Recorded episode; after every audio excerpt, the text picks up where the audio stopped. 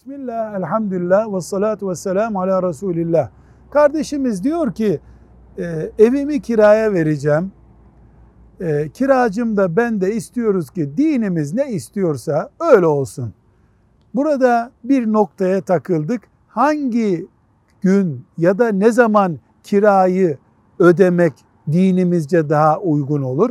Diyoruz ki bu konuda kira ayın ilk gününde, son gününde, girdiğinin filanca gününde ödenir diye bir kural yok.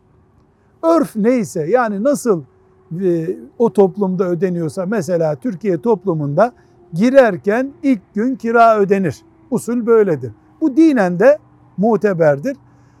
Eğer sözleşmeye, kontrata özel bir madde ilave edilirse o madde de muteberdir. Öyle ödeme yapılır. Velhamdülillahi Rabbil Alemin.